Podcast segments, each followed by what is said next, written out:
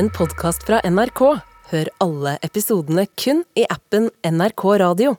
Du hører Etikketaten med Madeleine Sederstrøm. Velkommen til Etikketaten, NRKs trimrom for mentale øvelser i moralens og verdienes spagater og piruetter.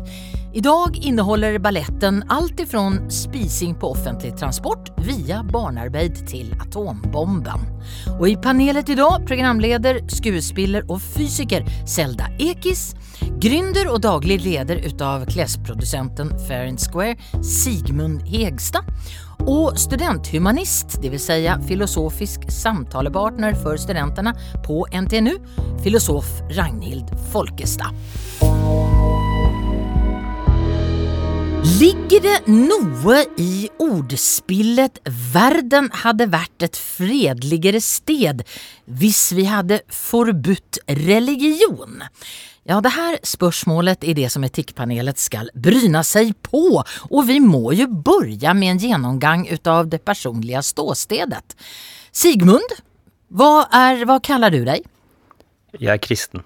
Og Selda? Jeg er eh, ateist slash agnostiker. Og Ragnhild? Jeg er agnostiker slash humanist. Vi börjar med det här spörsmålet, rett og slett. Hadde verden vært et fredligere sted hvis vi hadde forbudt religion? Sigmund, jeg vil starte med deg. Hva har religion betytt for deg i ditt liv? Jeg er jo oppvokst i kirka, slik at det har jo vært på en måte som en ramme eh, for hele livet. Eh, samtidig som jeg kommer ikke fra en eh, liksom, hverdag hvor det har eh, vært definerende for alt man driver med å gjøre. Så jeg har følt at jeg har levd veldig, veldig fritt innenfor den rammen. At det mer har vært en sikkerhet enn en pålegg, for å si det sånn. Men har du, har, er, det, er det religiøse sjel til at du gjør som du gjør? Og som du har gjort?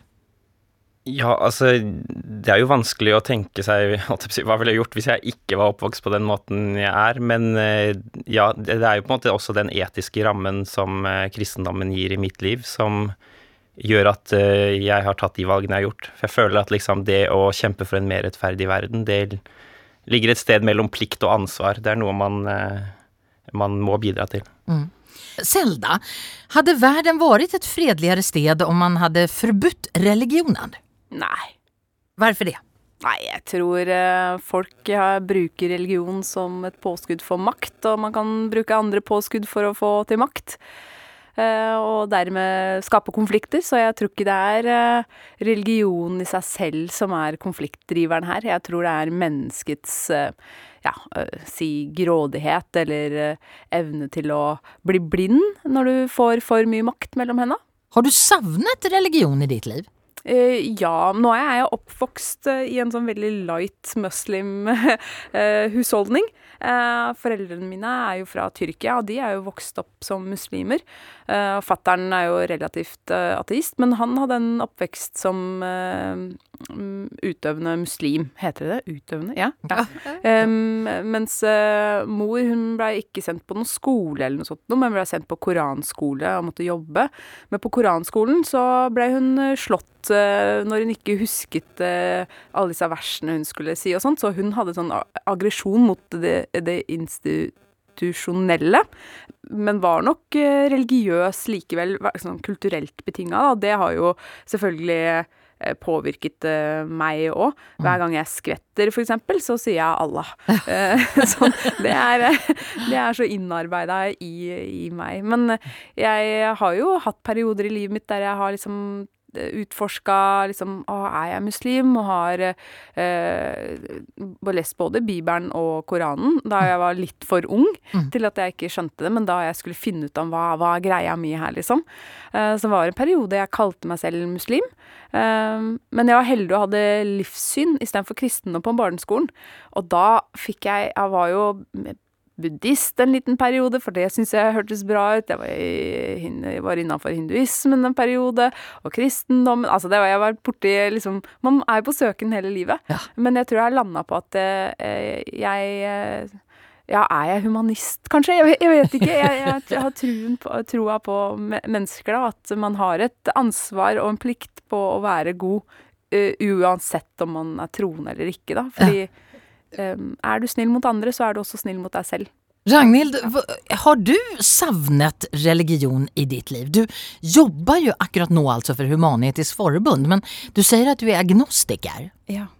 Og det, for meg så er det en veldig viktig forskjell mellom agnostiker og ateist. Og jeg kaller meg ikke ateist. Og der er det jo veldig stor forskjell blant oss som jobber i Human-Etisk Forbund. Eh, men jeg er veldig glad i viten, og så er jeg også veldig glad i ikke-viten. Og så er jeg veldig glad i å holde det som vi ikke kan vite noe om. Liksom at, at vi støter mot en grense, en fornuftens grense, og så ha en slags respekt for den grensen. Mm. Og at, eh, at jeg, jeg kan nok savne Jeg kan nok savne religion i forhold til at jeg er et veldig meningssøkende En veldig meningssøkende person på en sånn intens måte. Men jeg tror eh, For meg så har ikke det religiøse har liksom ikke hjulpet meg videre i det å tenke om etikk. Um, så det tror jeg er det første jeg, kan si om det. Mm. Hade altså verden vært et fredeligere sted uten religion? Du fikk svara på det Selda. Hva sier du Sigmund? Nei, jeg er nå enig med, enig med Selda om at det tror jeg ikke hadde utgjort noen stor forskjell. Jeg tror, jeg tror ondskapen kom før religionen, sånn at vi, det ligger liksom i oss lysten til det onde og lysten til å krangle og skape konflikt. Eh, samtidig selvfølgelig, altså det gode ligger jo også i oss, så det er på en måte det å si at hvis man fjerner religionen, så blir det et forsøk på å komme et veldig enkelt svar på da et komplisert eh, spørsmål. Eh, ja, jeg er jo også frustrert over de fleste kristnes liksom mangel på engasjement for en mer rettferdig verden. Eh, så jeg kjenner meg jo igjen på en måte i det Ragnhild sier om at, at liksom etikken er ikke heller utelukkende avhengig av religionen. religion, da. Fordi ja, jeg er frustrert på alle de kristne. like mye som alle de som ikke er kristne. Men Ragnhild, du, eh, hur, skal vi få med oss folk? Hvordan skal vi få med oss folk i moraliske verdispørsmål hvis vi ikke bruker religion? Ja, det er et spennende spørsmål. Eh, jeg tenker jo at det eh, Kanskje man må starte med hva er det som gjør oss eh, til mennesker, og hvordan kan vi utvikle det? Eh, hvor jeg lander på liksom empatien og fornuften. Og ikke en av de alene, men de to sammen. Og det Så- har vi naturlig i oss uten religion, eller? Eh, jeg tror det. Jeg tror at det kommer akkurat som ondskap kommer før religion, for det er jeg enig i. Jeg tror at ondskap kommer først. Og jeg tror også det gode kommer først. Eh, og da har vi liksom eh, stilt med eh, hva, hva har vi her? eh, mellom deg og meg. Eh, et slags ansvar, tror jeg, for å, eh, å utvikle ja, det vi kan, det vi kan uh, finne fast i her og nå. Mm. Mm. Selde? Har, Jeg, jeg har ja, et spørsmål bare, for hva er egentlig ondskap? Er er det en definisjon på hva ondskap er? ja, fins det det?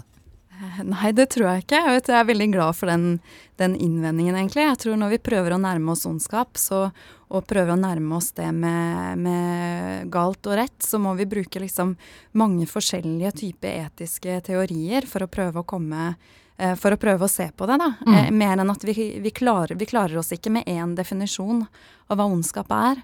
Eh, I filosofien så har man jo ofte, når man ser på liksom det man kaller den normative delen av etikken, da, når man skal prøve å si noe om rett og galt, så har man tre forskjellige, eller man har mange forskjellige innfallsvinkler, men tre sånne hovedinnfallsvinkler. Eh, og den ene er jo å se på og forstå noe om utvikle en sans for konsekvensen av handlingene våre, som er konsekvens, eh, konsekvensialisme. Uh, og noe annet er sinnelagsetikk, så uh, hva vi intenderer i handlingene våre. Hva vi vil? Hva, Ja, hva hva, vi vil. hva var tanken bakom dette? Ja, hva vi ønsker å oppnå. Mm. Uh, og en tredje er jo det som handler om å utvikle karakter. da. Utvikle dyder i oss selv. Er, kan vi snakke om at vi har kanskje mer enn ondskap, men kanskje vi kan snakke om at vi har laster. Vi må gå tilbake til vårt utgangspunkt. Eh, det, det fins en undersøkelse som sier at mennesker som är religiösa de är inte nödvändigtvis lyckligare men de som är, utövar sin religion de är lyckligare än människor som inte gör det. är det alltså det vill säga går i kyrkan och är i fällskap. Eh, är, är, kan det ligga någonting i det? Känner du dig lycklig när du går i kyrkan? Sigmund? Noen ganger så syns jeg det er veldig kjedelig, så da føler jeg meg ikke lykkelig. det kommer litt an på innholdet, men eh, altså det som eh, Det er jo fellesskapet, altså det er jo de menneskene man møter, som for min del først og fremst eh, kan skape en, eh, en lykkefølelse, eh, uten at jeg så ofte går rundt og kjenner på en lykkefølelse, da. Eh, ja, så det er jo fellesskapet og menneskene. Og så er det jo litt eh, noen ganger å kunne legge livet sitt i en litt større kontekst. At det ikke blir Det handler ikke bare om meg, og man får satt inn i en kontekst som er litt større, og Mm. Reflektert litt rundt uh, hva man faktisk gjør i hverdagen. Vi skal videre. Tusen hjertelig takk. Vi kan vel ikke konkludere med noe annet enn at eh, vi har ingen svar på det. Hadde verden vært et fredeligere sted hvis jeg hadde forbudt religion? Antagelig ikke. Eller? Det er jo gjort forsøk på å forby det, da. Ja. Under sånn totalitære regimer, og det Det gikk jo bra. Eh, Ikke sant? Så Sovjetunionen og Kina er jo utmerkte eksempel på det. ja. Ja. Eh, så jeg tror det er i best, beste fall en utopi. Nei, og Kina blir jo ikke kvitt de kristne, f.eks. De gjør jo bare de kristne mer kreative. Til å finne nye måter å møtes på, osv. så videre. Så, men det kan jo være bra for kreativiteten i samfunnet. Veldig bra. Tusen hjertelig takk. Da går vi videre. I appen NRK Radio ligger altså etikettaten og kompass, og der finnes en knapp. Der står det 'send inn'. Trykk på den, kom med kommentarer, spørsmål og foreslå temaer. Og her kommer et språklig hjertesukk ifra Bjørn. Hei, skriver han. Takk for et engasjerende og lærerikt program. Takk så mye selv. Dere bruker ordet dilemma på lik linje med ord som problem og utfordring, og det er feil. Dilemma det er et vanskelig valg mellom to, og faktisk kun to, fordi de-delen i dilemma eh, det betyder två. Det er to ubehagelige alternative løsninger. Så hvis noen eksempel spør om hvordan de skal håndtere en vanskelig situasjon, så har de ikke et dilemma, men et problem eller en utfordring. Med NRK og språkvennlig hilsen Bjørn. Takk så mye, Bjørn. det skal vi legge oss på minnet Og det er jo jättekul å få inn era reaktioner på det her. Nu skal vi til et ekte dilemma.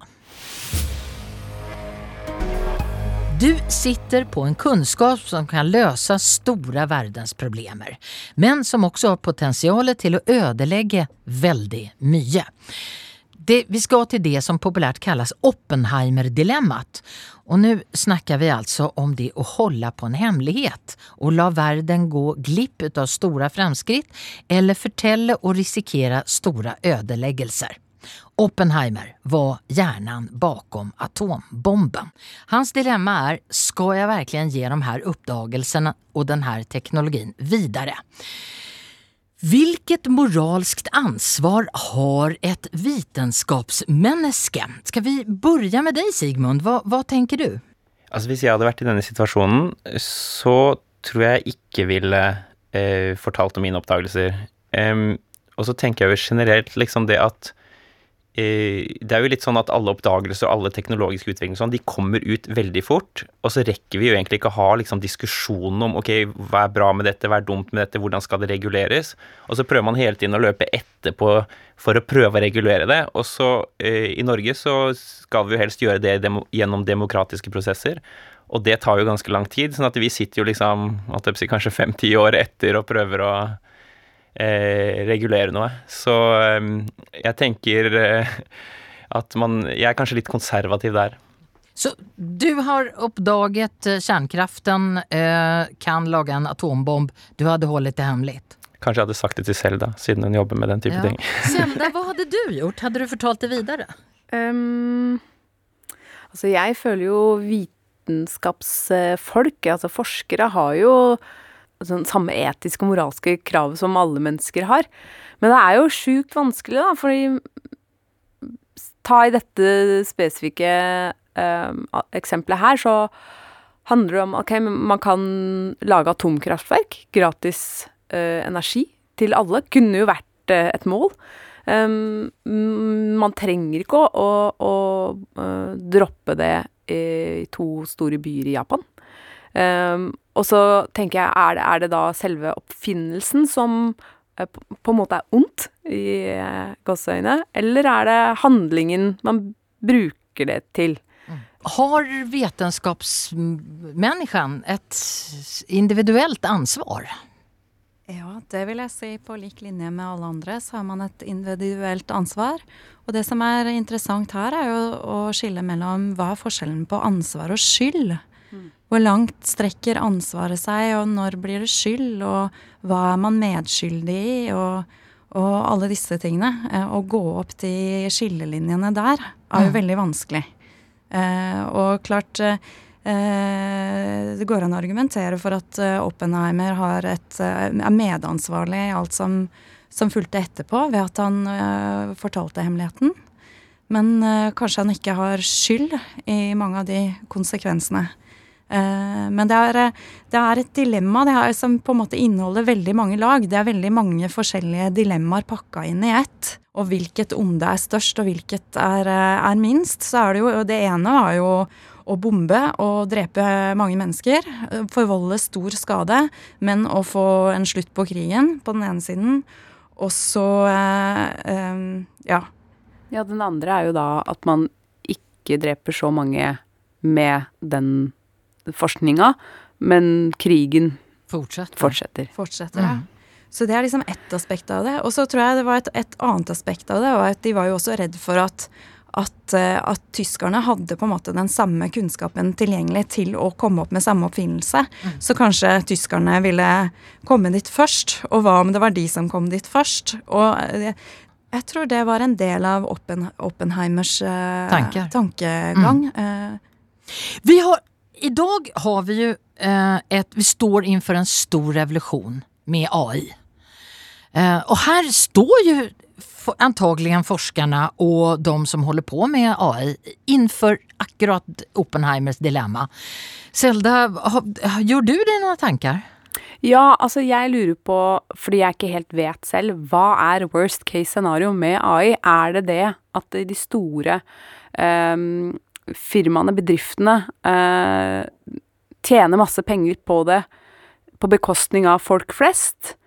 Eh, eller at, at de kan ødelegge demokratiet til slutt, da, på et eller annet vis, der man tar makta vekk fra folk, og, og da regjeringer og stater, og at det kommer i hendene på eh, noen få eh, kommersielle bedrifter. Er det, er det det som man er redd for? For hvis det er det, så tenker jeg at ja, mm, da, det må jo reguleres på et eller annet vis, selvfølgelig. Og det er jo ikke som om um, den utviklinga hadde uh, har bare skjedd av seg selv takket være liksom de store kommersielle bedriftene. Det er jo, folk har jo gått på skole et sted som er sponset av en stat eller en regjering et eller annet sted. Man har fått tatt utdannelsen sin, og ja, ting har jo blitt tilrettelagt av et demokrati. Så det er eh, Hvis liksom demokratiet står for fall, så syns jeg man må jo regulere. Mm. Men how? Det er vel det som er clusterfucken. Unnskyld. Sigmund, har du gjort deg noen tanker omkring Oppenheimers dilemma? Eh, Jeg er bekymret, for jeg tenker jo at eh, eh, at Eller i hvert fall det jeg tror kommer til å skje, er jo litt det som Selda spør, liksom. At jeg tror at makten kommer til å bli konsentrert.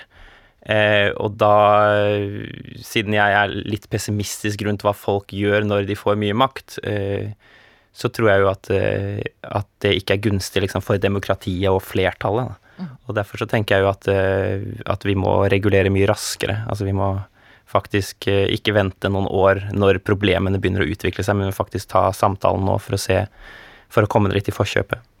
Ragnhild, hvilke etiske eh, spørsmål må vi stelle oss? Ja, jeg syns det er mange i forhold til eh, når vi snakker om eh, artificial intelligence, eller AI eller KI, eller hva vi velger å kalle det. Eh, et, noe jeg savner litt i den debatten, er forholdet mellom hva er det å ta gode beslutninger, og kan vi klare å spare med liksom høy intelligens der?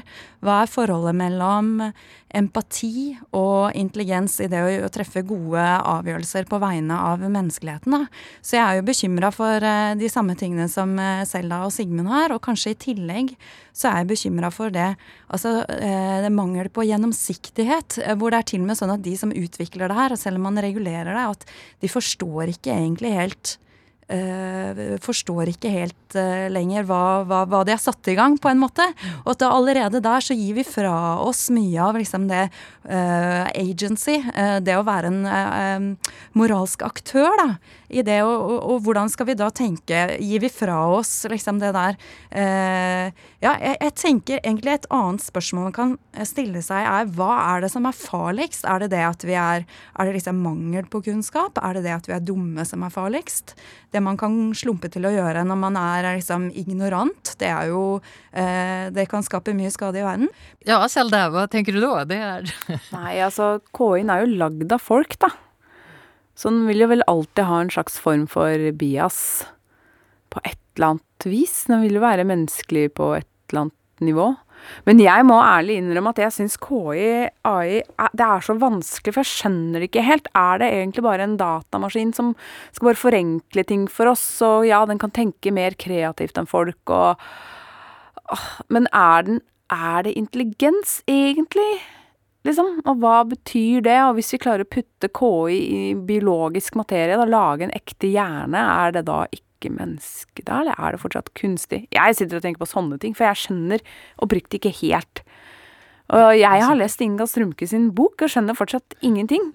Er, det, er det sånn i Oppenheimers dilemma, er det etterpå klokskap, er det da vi kan bedømme om han gjorde rett eller feil?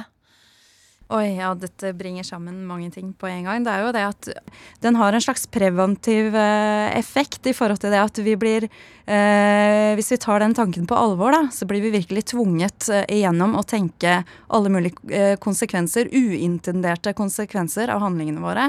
Men så er det jo sånn at virkeligheten er veldig svært kaotisk, og, og, det å Hvis man skal ta inn over seg alle de konsekvensene en handling potensielt sett kan ha, så ville vi jo bli handlingslamma, alle som en. Eh, Kanskje ikke KI, da? Eh, ja. Eh, ja.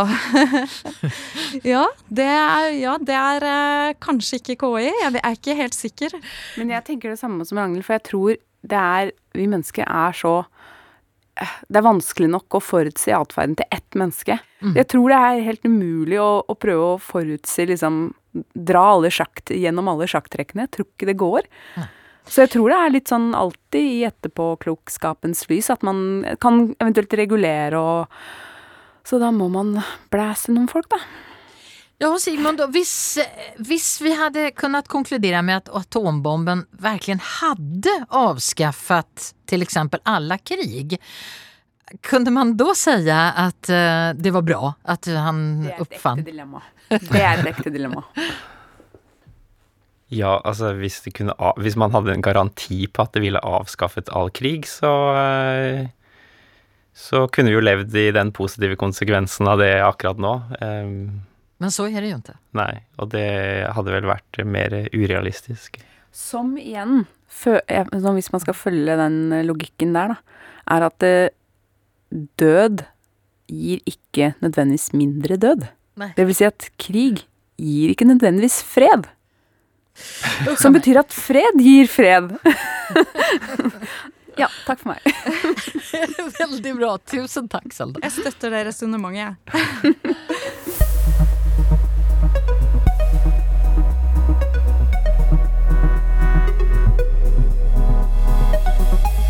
Programleder Selda Ekis, gründer av uh, Fair and Square, Sigmund Hegstad og filosof Ragnhild Folkestad sitter i Etikettaten i dag. Tillsammans med meg, Madeleine Cederström. Vi skal uh, til frågan om etisk handel. Sigmund, jeg går rett på deg nå. Du jobbade i sin tid som danser, men i tillegg så var du også geriljaaktivist. Du la ut lapp lapper i klesplagg på ulike kjeder. Hva var det som stod på dem? Det var informasjon til de som handla klærne om at uh, disse klærne ikke var lagd under gode arbeidsforhold. At uh, vi måtte støtte tekstilarbeidernes krav om en lønn de kunne leve av. Fikk du mye reaksjoner? Jeg uh, Det var en butikksjef som ringte til da leder i Framtiden Våre Hender og, og trua med å anmelde og det var liksom noen Det var noen vektere som løp etter meg og mente at jeg hadde stjålet og liksom sånn eh, Noen sånne ting. Men det som kanskje var det sterkeste, var jo at det ikke var noe ordentlig reaksjon. Ikke sant? Det var De bare sa ingenting. Eh, og det er jo en, på en måte en veldig god strategi som de klarer å følge godt. At sant, de bare på en måte overser og bare venter til det er over. Og så turer de fram slik som de alltid har gjort. Det her ble for mye for deg. Hva, hva skjedde da? Hva gjorde du? Ja, da tenkte jeg jo at eh, noen må faktisk skape de gode arbeidsplassene, istedenfor å drive og mase på de som tydeligvis ikke har tenkt til å gjøre noe. Eh, så da innså jeg at denne noen, det er meg. Eh, og så starta jeg da Fair and Square, og faktisk at vi produserer klærne vi selger selv, for da kan vi garantere for å kontrollere arbeidsforholdene. Du startet altså en tekstilfabrikk i Kina. Ja. Lærte du kinesisk? Ja, det kunne jeg litt allerede før jeg starta. Eh, og da skal vi prate om etisk handel. Eh, det er, beste er selvfølgelig å handle etisk. Men kan boikott og handelsnekt føre til enda mer lidelse for de som jobber, i og med at de kanskje mister den eneste inntekten familien har? Er det bedre med sult enn med slavekontrakt og barnearbeid? Og jeg skal börja med deg, Selda, for du har en mamma som var barnearbeider. Fortell. Ja, eh, for sin egen eh, lille familie. Hun ble satt til å veve tepper fra da hun var to-tre år, fordi det lagde de eh, i landsbygda, og solgte det. Um, hun var jo også med og dreiv gården som de holdt på med, så det er ikke sånn som man ser for seg barnearbeid i ekstremt kummerlige forhold i en ja, kjeller i en fabrikk, sånn at det er bortgjemt. Um, men jeg tror jo at hvis det hadde vært lover og regler, et system der folk hadde nok å leve av uh, For det er jo ikke som om de her var slappe folk som ikke gjorde noen ting. hvis uh, ting var tilrettelagt riktig og rettferdig, så hadde jo hun fått gått på skole. Mm. Uh, og jeg tror jo at boikott, hvis valget da er sult, altså at folk ikke har jobb, i motsetning til da slavekontrakter og barnearbeid, så tror jeg at jeg hadde gått for sult. I stedet for barnearbeid? Ja. Mm. Heller boikott. Eh, fordi jeg har på følelsen at det vil liksom tvinge fram en riktig løsning. Mm. For jeg, jeg, klarer ikke å sette Ja, hvis man, hvis man, absolutt skal velge noe, så ja, tenker jeg det.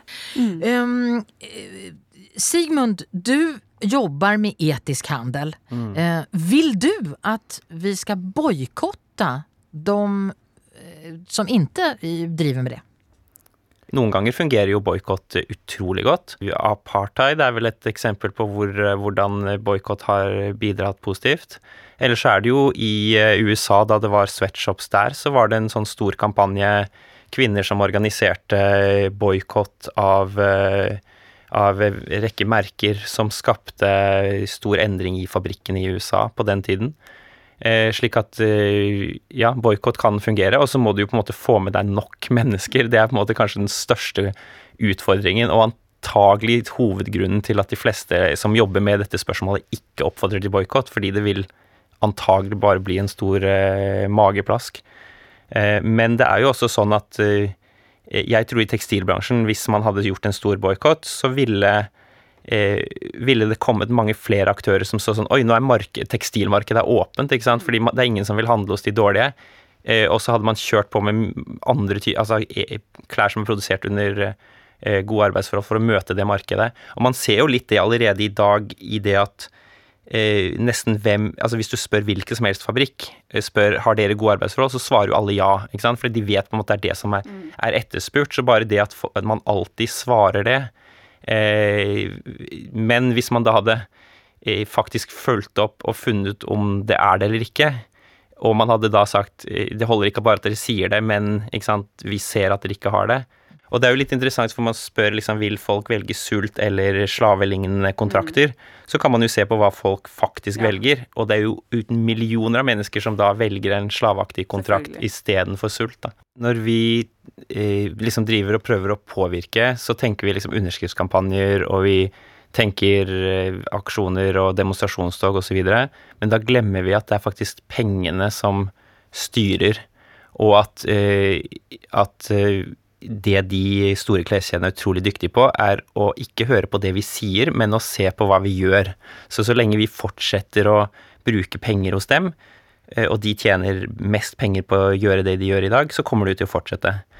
Og så er det jo heldigvis slik at hvis man faktisk flytter forbruket sitt, over på eh, noen som har gode arbeidsforhold, eh, så skaper man faktisk flere arbeidsplasser.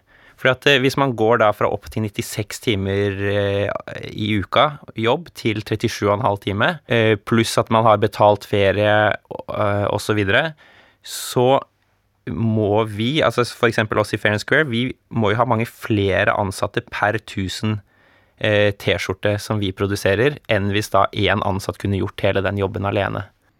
Ragnhild, hva eh, er verst? Sult eller slavearbeid? Ja, igjen, det som jeg syns er så interessant med disse moralske dilemmaene, hvor det er snakk om det er to onder som skal vektes eh, opp mot hverandre, eh, hvor eh, komplisert det blir å snakke om liksom perfekt moral i en imperfekt verden. Altså jeg tror det alltid er Barnearbeid er på en måte alltid det problematiske aspektet forsvinner på en måte ikke, fordi om at det løser den sultsituasjonen. Men, men kanskje kan det forsvares fordi at fordi når man veier opp liksom eh, ondene på begge sidene, så er det noen ganger så vil det falle ut på den ene siden, og noen ganger så vil det eh, falle ut på den andre siden. Men jeg tror vi skal uh, ha lover og regler for det her, så er det vanskelig å se for seg at vi ikke kan behandle det prinsipielt. For det er liksom Sigmund sier, hvis man åpner opp for at at man kan se det an litt. Liksom, hvis FNs barnekonvensjon skulle åpne opp for at det kan man se, se an litt i, i forskjellige situasjoner, så, eh, så vil det jo bare bli mer av det av barnearbeid. Da er vi jo inne på det liksom, hva er barnearbeid? Og hvordan henger de ideene om hva er en god barndom og sånn? Er, sitter vi på Hvordan har det endra seg, f.eks.? For eksempel? den forståelsen vi har i dag, er det den beste? Og det er faktisk når du Hvis jeg så at vi skulle ha den tematikken, så, så måtte jeg spørre meg selv har vi liksom, hva er barnearbeid i Norge? Har vi noen, noen form for det? Var det vanligere før av barnearbeid? Og da skal man jo ikke så veldig langt tilbake. Særlig hvis man ser arbeid på gårdene, f.eks. Eh, 40-, 50-, 60-tallet og sikkert lenger opp òg, eh, så var det jo veldig vanlig at alle var med å bidra til livet på gården, og også ganske tungt arbeid. Altså Det kan ikke sammenlignes med mange andre former for barnearbeid. Eh, men men jeg er jo vokst opp eh, i nærheten av gård, så jeg har vært med på å plukke stein på åkrene f.eks. For eh, i forbindelse med pløying av åkrene. Og det var jo ikke noe som vi fikk eh, betalt for, eller Og for meg så var jo det frivillig, men for barna på min nabogård så var jo det ikke frivillig. Men hvorfor, gjorde du det? Det, vet du, det var liksom den følelsen av fellesskap som vi hadde, og den følelsen at jeg eh, var med å bidra, på en måte. Eh, den eh, jeg, For jeg, jeg, husker det som noe utelukkende lystbetont, faktisk, å være med. Selv om det var hardt arbeid og slit, så var det liksom eh, Det å gjøre det her sammen, og få være med å gjøre det, var faktisk eh, noe jeg Ja, jeg sa ja til det hver gang. Kan vi ta tak i det? Ja. Kan det være sånn, og Selda og Sigmund, at vi har missat någonting når vi utelukkende sier at barnarbeid er feil. Hvis det handler om å bidra helt konkret til familjens overlevelse, mm. så måste jo det også gjøre at barnet kjenner seg viktig. Altså Fang, som leder fabrikken vår i Kina, da han var eh, liten, så jobba han på Kinaputt-fabrikk i helgene. Eh, I tillegg til å gå på skole. Og han har jo tatt høyere utdannelse og nå leder eh, en fabrikk.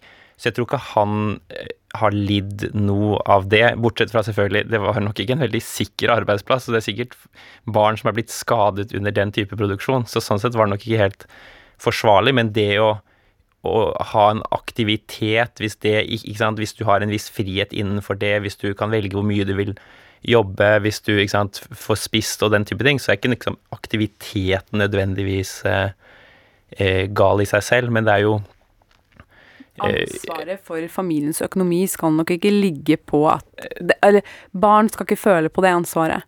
Det tror jeg er ekstremt ja. destruktivt. Mm. Men Selda, jeg bare tenker på din mamma. Eh, Nå stjal jo det, den aktiviteten som hun gjorde, den stjal hennes skolegang. Mm. Men var det ikke også sånn at hun følte seg verdifull for familien?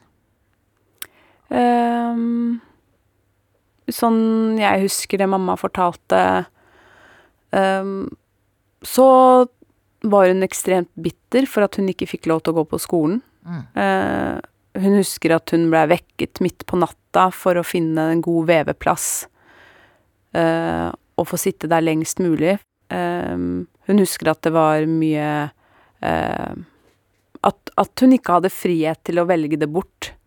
At hun ikke fikk Ja, hun var jo ute og leika hadde venner og sånt, men at hun hadde et stort ansvar som hun ikke hadde bedt om. Mm. Og det mm, hun var eh, ekstremt bitter for det. Jeg syns det egentlig veldig bra at du drar det tilbake til det som vi egentlig snakker om når vi snakker om barnearbeid, for det er egentlig en litt sånn digresjon å snakke om eh, eh annen type arbeid også, det jeg nevnte liksom med mm. hjemme i husholdningen og hjelpe til, for det er ikke det egentlig som er barnearbeid. Barnearbeid er lønnsarbeid, altså hvor man eh, da også jobber mange, mange timer for å tjene penger eh, til familien. Ragnhild, eh, hvis vi eh, boikotter länder der, eh, der det er barnearbeid, så kan riske, riskerer vi eh, sult og død. Eh, det jeg tenker på, da, eh, det både det Selda og Sigmund sier, det tydeliggjør, at vi må barnearbeid må, hvordan det må defineres. Og at det er snakk om ikke bare stjålet barndom, det er liksom kanskje litt for, for vidt på en måte, men, men også stjål, stjålne livsmuligheter senere. Du får egentlig hele livet ditt stjålet fra deg, fremsiktsmulighetene, mm. eh, når du eh, Eh, når du blir forhindra i å ha skolegang. Så det tydeliggjør, og det er sikkert FNs barnekonvensjon har jo lagt inn en veldig sånn tydelig definisjon av hva er barnearbeid. Men så er det jo, eh, ja, sult, det også, eh, og, og død. Det forhindrer jo også da utfoldelse. Um, men jeg tror tilbake til boikott, da. Man kan tenke ja, er det enkelt å si at vi skal boikotte? Å sitte her uh, på avstand og si at vi skal boikotte? Jeg tror eh, at svaret på det er at vi må ha to tanker i hodet på, på samme tid. Så jeg tror det er nødvendig å boikotte.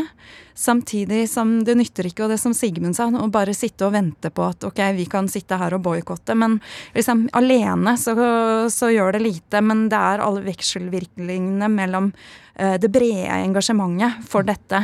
Ja, Sigmund, ser du positivt på utviklingen? Holder det på å skje noe? Dessverre så er det jo litt sånn at alle sitter og venter på alle andre, ikke sant. Forbrukere sier nei, jeg alene, hva kan jeg gjøre? Det næringslivet og politikere må gjøre noe. Og så sitter næringslivet og sier sånn nei, det må være likt for alle, vi trenger regulering, og vi leverer jo bare det eh, forbrukerne vil ha. Og så sier eh, politikere det er best med gulrot og ikke pisk, næringslivet må komme med egne forslag, ikke sant. Eh, hvor litt som reaksjon på det også sa jeg sånn Ok, jeg kan gjøre noe. ikke sant? Jeg kan ta ansvar. Og egentlig det vi trenger, er jo at veldig mange aktører slutter med den runddansen der og bare sier sånn Jeg vet hva, jeg kan faktisk ta ansvar, jeg kan gjøre det annerledes, jeg trenger ikke å gjøre sånn som alle andre. Jeg tror jo at eh, politikere eh, må regulere forbruket. For jeg tror det er grådigheten hos oss som har det så bra, som egentlig er på en måte frøet. Men ja. Ja, jeg er enig i at ansvaret ligger hos alle, egentlig, selvfølgelig, men folk må få en sånn konkret arbeidsoppgave. Det her skal du. Eh, ikke bare plakater og reklamer og sånt, men at man må nesten tvinge gjennom en endring av atferd for å endre holdning.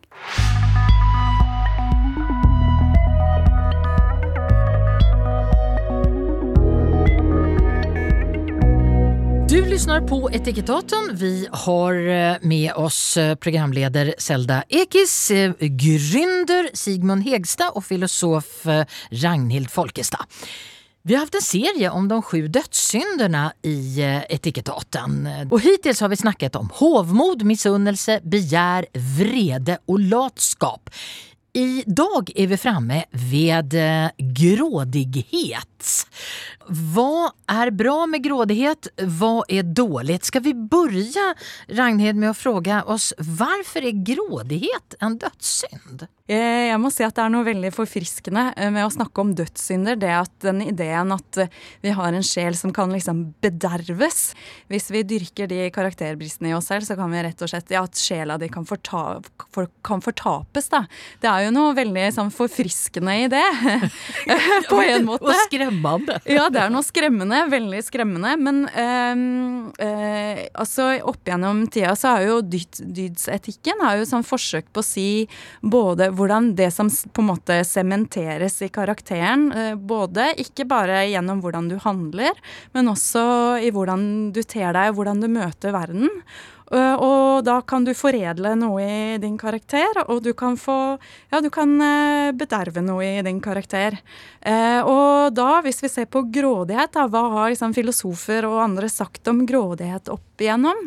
Og da er det jo veldig spennende at grådighet pekes på liksom som selve umoralens eh, arnested. Okay. Eh, jeg tror det er eh, Det er Platon blant annet eh, og Aristoteles liksom trekker fram at det er liksom synden over alle synder. Det har liksom rot i en sånn eh, en, en, lidenskap, egentlig, som hvis den holdes i, i, i sjakk, så Men hvis, hvis man eh, gir etter for den lidenskapen, da, så er liksom umoralen er, er født i mennesket menneske. Å ta, ta, for seg selvberikelse, kanskje på bekostning av andre. Så er motsatten må, måtehold, det er liksom perlen i moralen. Så her er det noe, et spennende felt. Da. Ja, om ikke jeg har aldeles fel, så er de som står opp og ned nedfrusta i det innerste helvetet i Dantes inferno, det er de grådige. Selda og Sigmund, eh, fins det noe bra med grådighet? Altså, grådighet er vel egentlig den negative varianten av å ville ha noe. Altså, men hvis man prøver å gjøre det veldig hvitt, så kan man jo si at eh, en del rettferdighetskamp er jo eh, kan man si, er det bra at har vært litt grådig i det at liksom fagforeninger f.eks. i Norge eller i land hvor eh, arbeidsforholdene er veldig dårlige, de, de, kjemper jo på en måte en egoistisk kamp. Altså, de vil ha mer. Mer av kaka. Så kan du si sånn, det er en grådig kamp. Kanskje noen, kanskje noen eh, av næringslivstoppene ville sagt dere er veldig grådige nå, men eh, ikke sant? Så da, hvis man liksom gjør grådighet noe eh, veldig hvitt, så kanskje det er liksom den positive siden av det. Selv om jeg tenker jo at grådighet er den negative siden av å ville ville, altså, ja, ville ha noe. Jeg likte det eh, Ragnhild snakket om, eh, om at du forderves, på en måte. Um, fordi jeg tror, uansett om man tror på om man er en sjel eller ikke, så tror jeg at det, det å være for grådig gjør deg ikke glad til slutt kanskje du tror det, at den Man har jo en sånn eh, instinktivt eh, hig etter mer, selvfølgelig, og det kan man sikkert eh, gjennom evolusjonsbiologien snakke om at ja, man må ha i mat, og mm, du veit ikke når neste måltid kommer, og så videre. Så ligger det liksom veldig hard, hardwired i oss. Og penger er jo bare på en forlengelse av mat, føler jeg da, og, og, og, og velstand òg, men jo det kommer til et punkt der du ikke trenger mer, og da tror jeg det bikker over at det, det ikke gjør deg lykkelig. Men Selda, hvis, vi, hvis mennesket ikke i grunn hadde vært litt grådig, mm. så hadde vi jo ikke overlevd. Nei, og det er sikkert helt uh, sant, men uh, vi klarer å overleve ganske greit nå, og på bekostning av både hverandre og naturen, og til slutt så kommer vi ikke til å klare å overleve fordi vi er så grådige, så det bikker jo der òg, ikke sant? Mm. Det er jo eh, grådighet vil ha mer, da. Det er jo litt problemet. Og som art så er vi så er vi kanskje ganske grådige. Um, og i hvert fall hvis man ikke bare begrenser det til sånn uh, tenke bare materialistisk, da. Men hvis vi tenker på, på det som handler om uh, å ta og ta, ta, for oss, det kan jo komme i, i mange ulike former. Uh, men jeg måtte, ja, jeg måtte stille meg selv spørsmålet har vi, er, liksom, eh, er eh, grådigheten i vekst? Er den fortsatt i vekst? Vi, eh, hvordan stiller de unge seg til det nå? For jeg snakker jo med mange unge i min hverdag, og jeg har litt inntrykk av at det er mer stuerent å flotte seg med, med rikdom. Altså det er jo den kulturen med manifestering er jo noe som er veldig sånn trendy nå. Og da vet jeg det er mange blant annet som eh, prøv, eh, ja, de ser for seg at de har lyst til å bli rike, og så prøver de å, å handle Manifestere det ved å, å, handle som om de var rike. Og det er sånn eh, Tenk på også det Selda sier, at det er, noe, det er noe veldig trist når, når, det er sånn grådigheten kanskje avslører en, en sånn tomhet i at vi ikke har noe Har vi ikke noe vi tror på eh, der i fremtiden? Og hva, skal, eh, ja, hva kan vi fylle det med eh, og, av engasjement? Og eh, nå prøver jeg å forene mange tråder i hodet på en gang her. Men, jeg syns du klarer det veldig ja. bra. ja. Men ja, det var eh, Jeg syns at grådigheten det kanskje vitner om et sånt eh, tomrom av, av tro, da. Tusen, tusen hjertelig takk, Ragnhild.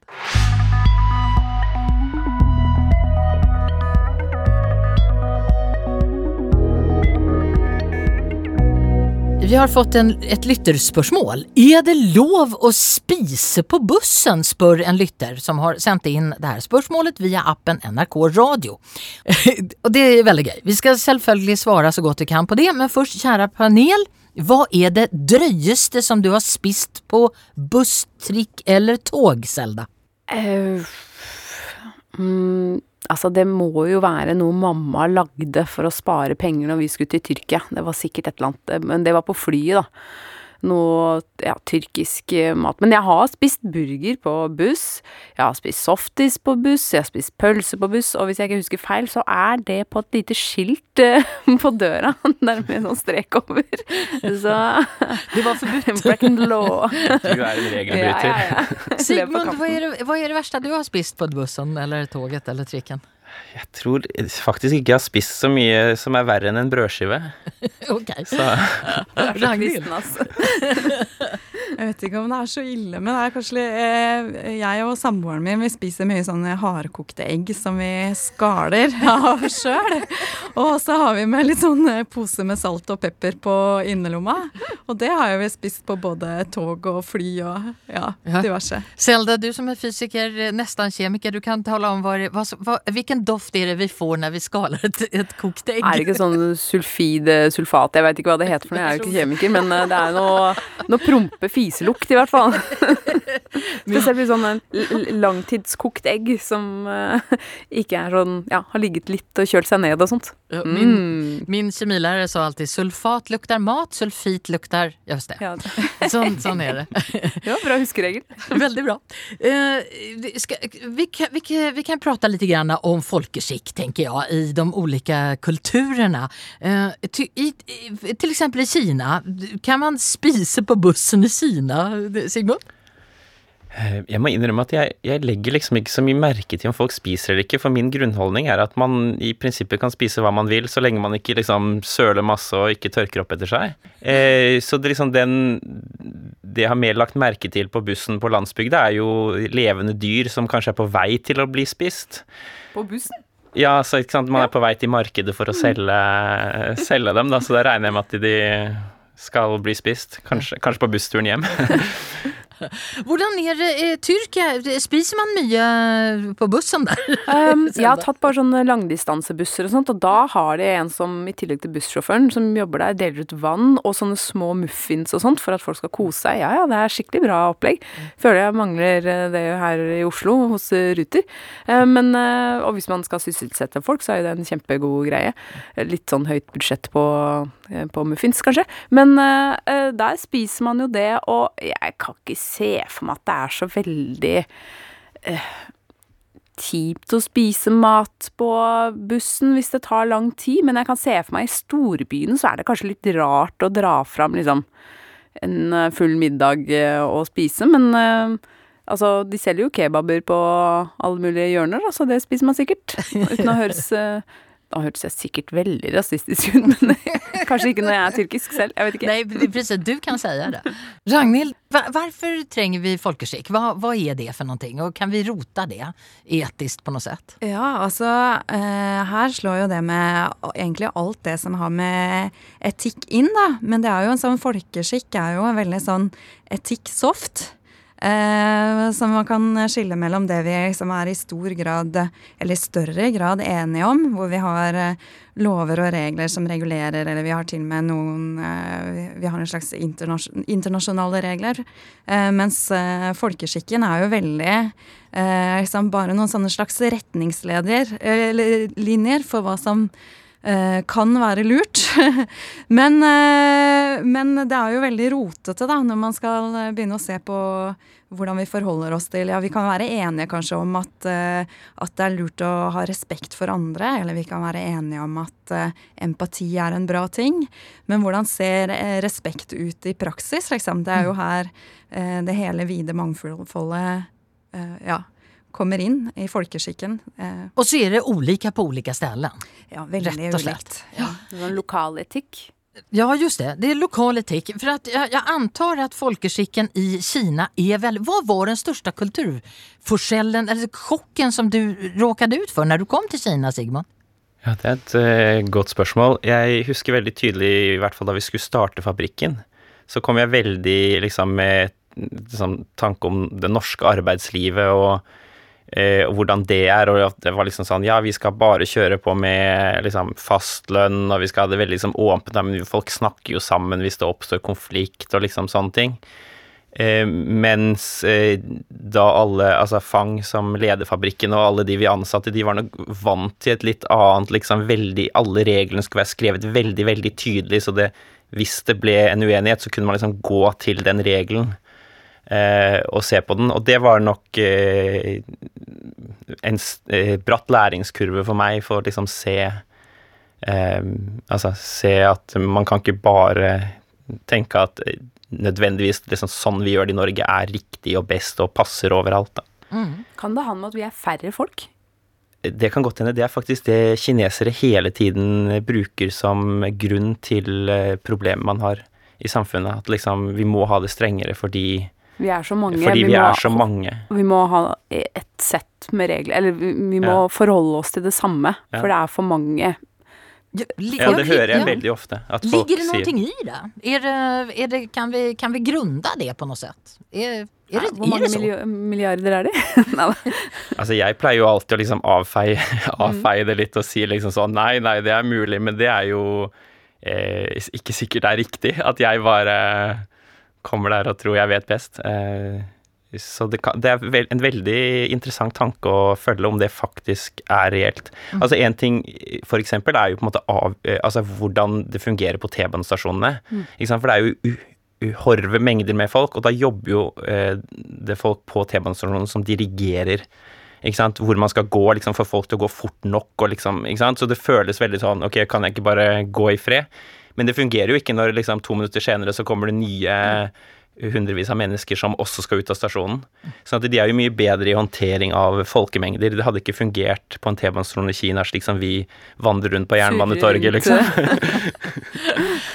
det, Ragnhild, i, er det, det er jo, folkeskikk er jo en form for um frivillig tvang kan man säga. Mm. Uh, har, har det, eller är det inte det? det, det man tvingar igen människor genom social kontroll. Er, er det bra? Skal vi gjøre det? Er det riktig å gjøre sånt? ja, jeg tror eh, det må bli et uh, tja fra meg. Jeg tror man kan Det med at uh, folkeskikk, det viser seg å være uh, i, ja, i byer hvor det er veldig mye mennesker.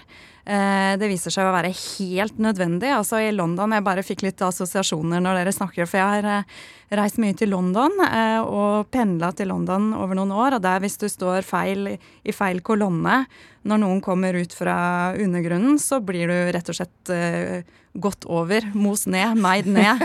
Så det er liksom en sånn veldig kollektiv læring i det. Sånn kollektiv avstraffelse. Ja, prøv å stå der, så får du se hva som skjer. Eh, og det er jo en sånn type kan, Man kan jo tenke er en sånn type negativ sosial kontroll, hvor vi, hvor vi vinner mye her i Norge fordi vi har så mye plass. Vi kan boltre oss, vi får en sånn slags følelse av en frihetsfølelse. Eh, men samtidig så er jo det eh, Eh, jeg tror at vi også går glipp av noe. eh, ved at vi ikke trenger å ha så mye folkeskikk. Og det handler rett og slett om eh, eh, dette med empati og det å lære oss å ta hensyn og sånne ting. At eh, kanskje Eller eh, jeg har en del internasjonale venner som, som syns at eh, nordmenn er, ligger helt i det nedre sjiktet når det kommer til folkeskikk. Eh, I forhold til at vi vet ikke når vi, vi, vet, vi skjønner liksom ikke at vi står i veien og for andre folk og ja, at kanskje At vi er litt ja, kommer- hensynsløse, liksom. ja, at vi er litt hensynsløse, og vi har ikke, vi har ikke blitt tvunget i like stor grad da, til å, å lære oss det med å ta hensyn. Veldig, veldig bra. Tusen hjertelig takk. Vi konkluderer vel med at eh, hvis du skal spise på buss, trikk, tog, så ta hensyn til hva du spiser. Kanskje ikke skala egget, altså. Eh, og, så, og så tenker jeg sånn, vi, selv om vi ikke konkluderer helt med at man, eh, om man, hvor mye man kan spise og hva man kan spise, så er det i hvert fall én ting som er sikkert eh, i Norge, er at du ikke skal snakke med sidemannen på offentlig transport. Ikke sitte ved siden av noen heller, Nei, egentlig. ikke. Det er kjempefarlig. Jeg tenker spis hva du kan, men ikke sett deg ved siden av meg. Da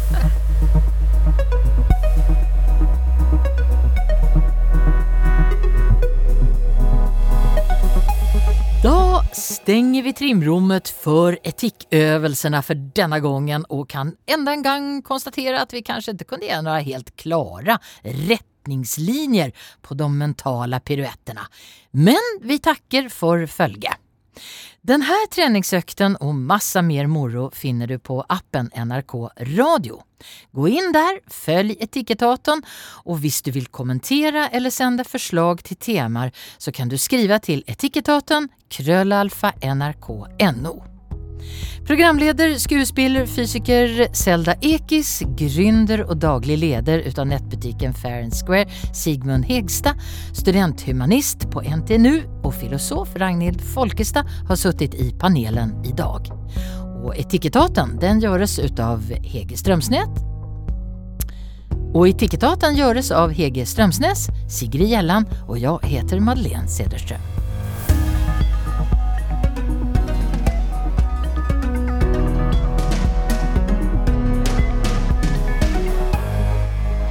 Du har hørt en podkast fra NRK. Hør alle episodene kun i appen NRK Radio.